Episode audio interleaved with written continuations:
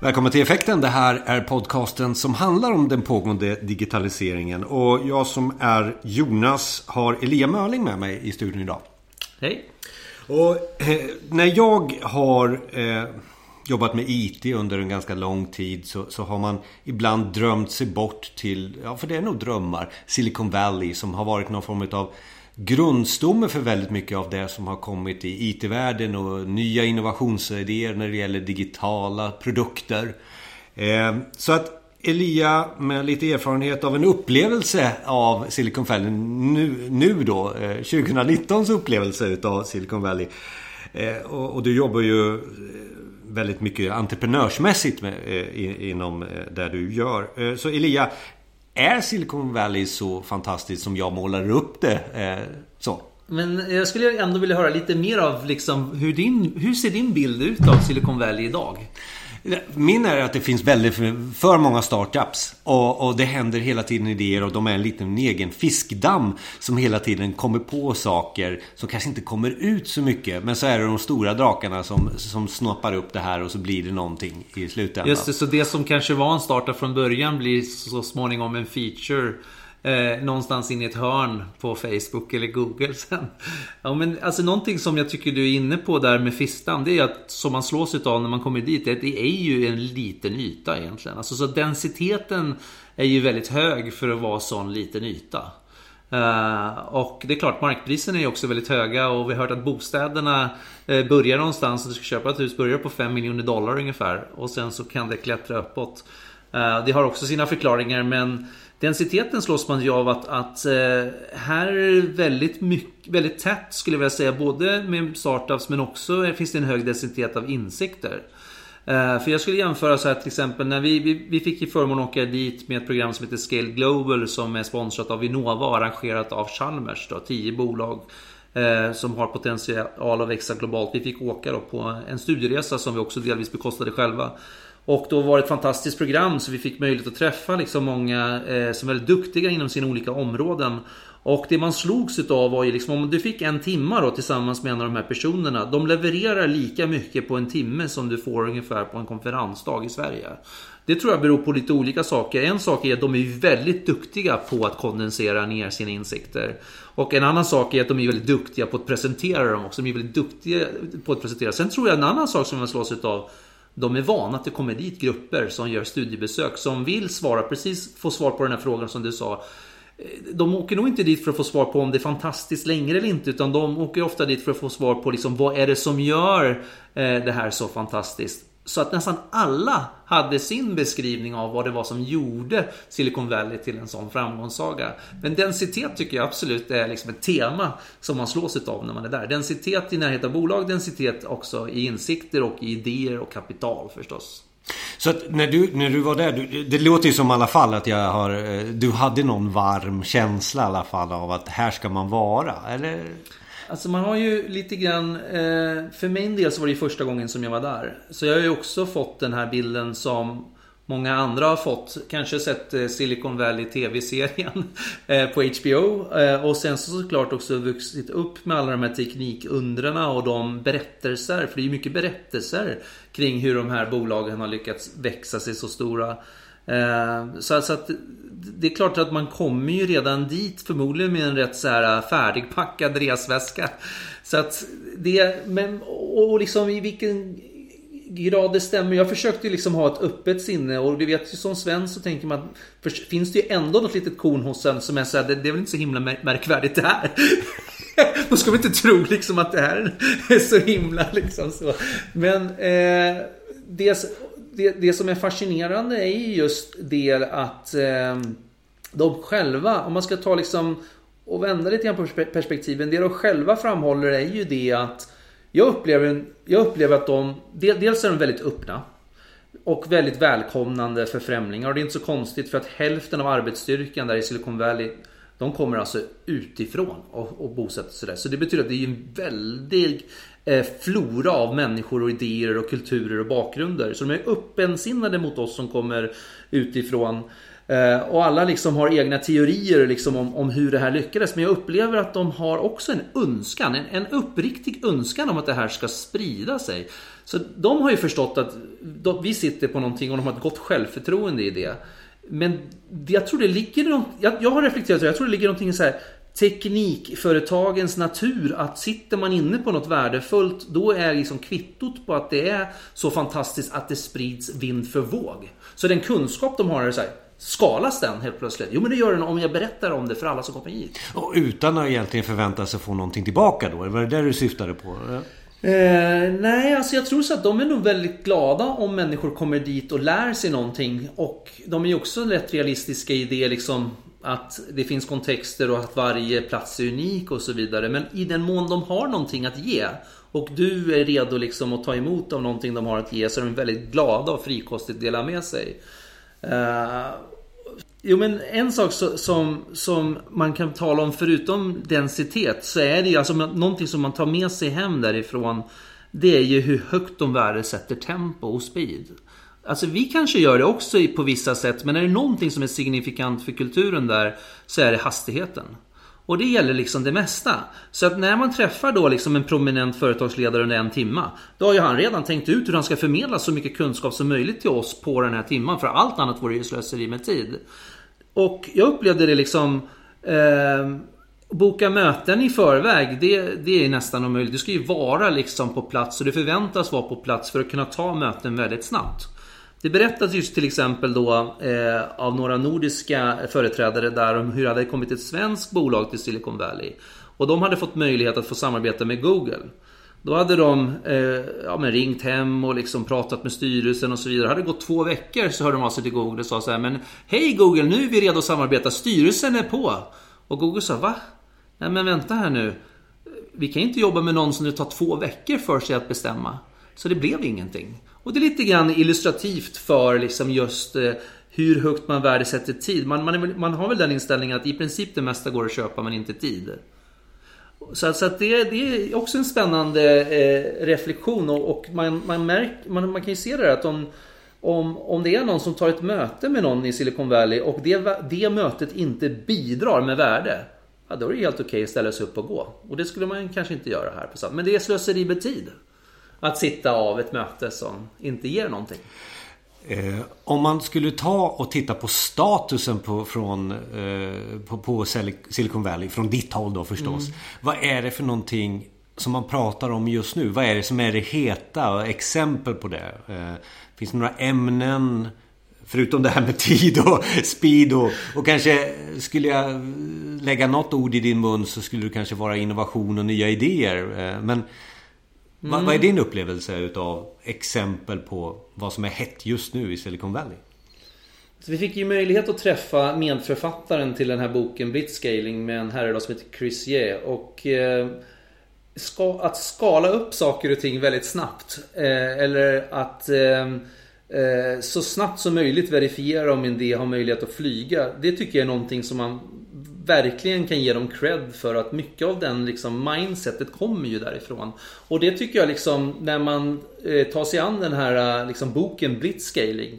Det är ju lite grann som att ta de här värderingarna och drömmarna om att bygga ett bolag snabbt till dess maximum på något sätt. Så det är ju fortfarande saker som det snurras om. Men om, om det är liksom eh, saker som är rätt, liksom du pratar mer ämnen, saker som är rätt kalla i Silicon Valley nu är ju liksom till exempel adtech. Alltså allt som har att göra liksom med eh, marketing, eh, automation och, och, på olika sätt digitalisering av marknadsföring är stendött just nu. Och det är för att Google har ju, och, och Facebook annonser och de har ju fullständigt krossat den marknaden. Det finns hur många aktörer som helst inom där så det är väldigt svårt att slå sig fram med en sån sak då. Eh, utan det som de gillar att hitta det är ju såklart liksom om du kan, jag tror så här, liksom, kan du, kan, har man liksom en idé som har potential på en stor marknad och det problemet som man vill lösa är olöst. Då har du potential, potential att, att bli en, en, en stor snackis på stan där. Finns det då marknadsplatser? Finns det då eh, eh sammanhang som man kan bli inbjuden till för att accelerera? Är det... det finns hur mycket som helst gör det. Och det är ju lite grann så här, alltså, om man inte skulle åka med en arrangerad resa så kommer man en bra bit säkert med ett verktyg som meetup.com. För att det upptäcker man när man kommer till den här platsen. Det här är förmodligen platsen på världen som har flest meetups av alla städer i hela världen. Nu vet jag inte om det är sant, men den känslan har man när man tittar på utbudet. Eh, så att, att nätverka är ju någonting som de är fruktansvärt bra på. Och eh, det bidrar ju också till det här utbytet och floran av både idéer och potentiella medarbetare. Eh, det är ju lite fascinerande. Man säger så här, men Silicon Valley är fantastiskt. Jo, men de, de har inte mentaliteten att de vill sitta och ruva på det. Utan de vill liksom att det här ska spridas. Och de är också nyfikna på hur vi som svenskar kommer dit. Hur, hur, vad tar ni med er? Liksom? Och eh, inte bara vad tar ni med er, liksom, vad har ni lärt er? Så att säga. De är lika hungriga på de här paketerade insikterna som vi skulle kunna eh, behöva öva på att leverera på en timma som de är. Det låter som att du har väldigt många eh, anekdoter ifrån den här resan också. För du konkret. Eh, av hur uttrycker man sig? Eh, små sådana här. Alltså gör de så här här? Eh, aha, det, är det. Det, det är nog fortfarande så liksom att, att eh, eh vi håller på liksom och bearbetar eh, den här resan. Men Alltså det är väl framförallt det, man, det som jag tar med mig liksom, det är ju liksom effektiviteten som de har liksom i mötet med nya människor. Alltså de är ju väldigt nyfikna på att veta varför du är där, gärna innan du kommer dit. Vill de ha dina frågor? Och eh, det gör ju liksom att själva mötet blir väldigt effektivt. Alltså hur vanligt är det egentligen att det kommer en främling som vill hälsa på dig och din verksamhet och du har frågat den personen Eh, tagit reda på väl innan en gäst som vill komma och besöka din verksamhet. Vad är det du vill lära dig? Vad, vad, vad, hoppas du kunna få ut av det här? Det är ju någonting som jag märkte var liksom återkommande hos flera av de här var, var just det här service-minded, att de är väldigt service-minded. Jag tror också liksom att det är ju liksom en del av, av framgången i det här att de har en väldigt kundcentrerad kultur. Eh, och det var ju också intressant. Man frågade sig, men vad ser ni som skillnaden mellan liksom svenska entreprenörer och amerikanska? Då, en sak vi får höra, jo men svenska entreprenörer, ni är väldigt produktfokuserade. Ni fokuserar mycket på produkten. Mest amerikanska är mer fokuserade på kunden och att lösa ett faktiskt problem och sen kommer produkten sen. Och det är lite intressant att de, de gjorde den distinktionen och jag, tänk, jag tänker mig att det, det hör ihop. De har en sån kultur av där man vill sätta kunden i centrum och serva den. Så att jag ägnar liksom all min energi och tid åt att verkligen förstå ditt problem och sen serva den. Det är ju liksom i deras DNA på ett annat sätt än, än vad det är i, i vårat. Även om vi försöker så, så, har de någonting där. Och det märker man ju allt från liksom... Eh, jag sa det här om dagen. vi var inne i en väldigt enkel diner eh, i, i eh, San Francisco. Där liksom, de får ju en, och liksom du vet menyn är inte så dyr att det är dyrare än 100-150 kronor. Men ändå är det så liksom att eh, servitrisen tar sig tid att få oss att känna oss som kungar. På ett ställe som kostar lika mycket som McDonalds liksom. Och är jättenyfikna på vad vi har och vill se till att vi har det bra och så vidare. Och då tänker man så här, men en sån här diner på stan eh, här i Sverige, de hade inte brytt sig om oss. Användardriven design i, i allting de gör helt enkelt. Ja, helt ja, klart. Ja. Eh, om man nu skulle tänka sig här att man har den här bra idén, även om det är en produkt då kanske, eh, eller en, en tjänsteidé. Och så skulle man försöka att lyckas att få kraften utav Silicon Valley. Hur skulle man göra då tror du? Ja, men jag tror man tillbaka till det vi precis talade om. Att verkligen förstå kunden till att börja med. Det är väl en sak som återkommer i alla de här mötena som vi har haft. Något som de poängterar är ju en väldigt stor förståelse för kunden och kundens problem. Och så att börja där är en bra utgångspunkt. En annat tema som återkommer det är ju fokus. Att liksom våga snäva av och vara fokuserad i beskrivningen av vilka det är som du vänder dig till och vem det är du försöker lösa ditt problem för. För att om du kan lösa ett problem för en liten grupp människor så är det lättare sen att expandera din lösning till att serva ännu fler människor. Och inte vara alltså alltför bred till en början. Det är mycket svårare att lyckas med en bredare lösning än vad det är för en väldigt nischad lösning. Så det är någonting som kan ju tyckas vara lite så här kontra produktivt just det där liksom, de, de, de drivs ju av att skala upp idéer med ett väldigt högt tempo som når en väldigt stor spridning. Men vägen dit är först laserfokus. Mm.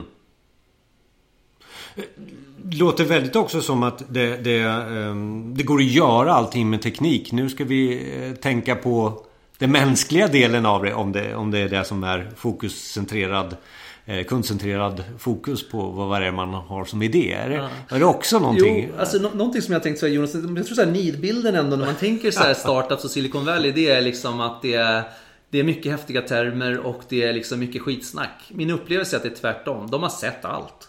Och de har hört allt. Så det är inte mycket som imponerar egentligen på, på de här människorna som bor där. För de är ju en ständig flora liksom av, av nya idéer och, och, och, bolag som vill slå sig fram. Så jag skulle säga att det, det är egentligen liksom en, en no bullshit kultur där. Och det här liksom att bara säga, ah, men vi, nu ska vi gå in här och, och, och träffa en riskkapitalist här i, eh, i, i San Francisco. och Då ska vi nämna AI. Nej, gör inte det om det inte är så att du faktiskt löser ett problem med AI. Och, och nämn inte AI i förbifart utan det måste vara liksom lösningar. Eh, så det tror jag är en nidbild. Men det är bara coola termer och grejer och sånt där. Nej, de, det där har de sett förbi för länge sedan. Utan som så många andra sammanhang så ska man nog bara vara sig själv. Och vara liksom mellanmänsklig i alla sina relationer och det är det som vinner längst. Och, och även så att jag upplever liksom bortanför den här bilden som många svenskar kanske ofta har den här karikaty karikatyren av USA. Så är det ändå en genuitet i botten som vinner längst. Och det som gör att vi tror att det är mycket fasad många gånger det är kulturella skillnader. Som till exempel när någon bryr sig om dig fastän du är på en rätt sunkig diner. Soft skills. Soft skills, återigen. eh, är det någon så här eh, research jag kan göra nu efter att ha lyssnat på det här avsnittet? Eh, Men har du varit i Silicon Valley? Jonas? Jag har varit i, i, i, San Francisco i alla fall. Ja. Ah. Eh, jag har känt pulsen, skulle jag vilja säga, utan att kanske ha gjort det. För, för en sak vi pratade om innan vi drog igång det var ju just det här, ska man åka dit då? Liksom så här, eh, och jag tror så här att, att, eh, att bo och, och, och jobba och leva där det är nog tämligen dyrt. Och det är också lite grann det här, vill det vara liksom en liten fisk i en stor damm. Eller en stor damm. Eller en stor fisk i en liten damm. Jag tror man kan nog säga att det passar rätt bra in där. Att du behöver nog ha en rätt tydlig idé om vad det är du vill åstadkomma som ger dig en uppsida när du åker dit. Att åka dit för inspiration och för att ta till sig av den här densiteten av insikter som de lyckas förmedla till dig på kort tid. Det är anledningen till att du första gången i vart fall ska åka dit. För du kommer lära dig mer där under en dag än vad du lär dig kanske i två veckor av att springa på möten här i Sverige. Och sen om du har har just det där lilla extra som gör att du måste flytta dit som till exempel Ubico som är ett bra exempel på det som har lyckats svenska Ubico, alltså den här lilla säkerhets-USB-stickan. Eh, de flyttade dit med målet av att Google ska börja använda oss och därigenom kommer vi nå hela världen. Den strategin lyckades de med tack vare att de flyttade dit. Och det är det jag menar, jag tror du måste ha ett väldigt tydligt mål med varför du gör det i så fall. Intressant samtal. Eh, och vi kommer att lägga ut några länkar som Elia eh, rekommenderar här på, på effekten.se. Tack så mycket Elia. Tack Jonas.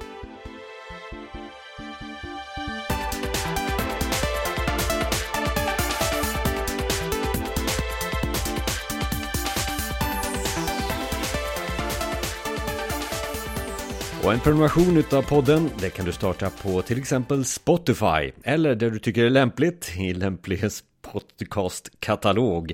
Och så ge oss gärna en rating, ett betyg. Det uppskattas verkligen. Så högt betyg som möjligt förstås.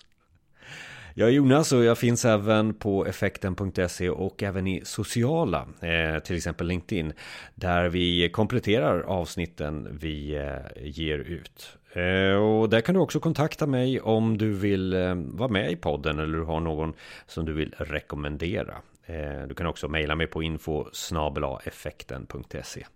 Och just där, effekten.se, där hittar du nu över 100 avsnitt om den pågående digitalisering utifrån olika ämnen. Jag hoppas att det kan skapa värde för dig i din vardag. Vi hörs eh, nästa gång.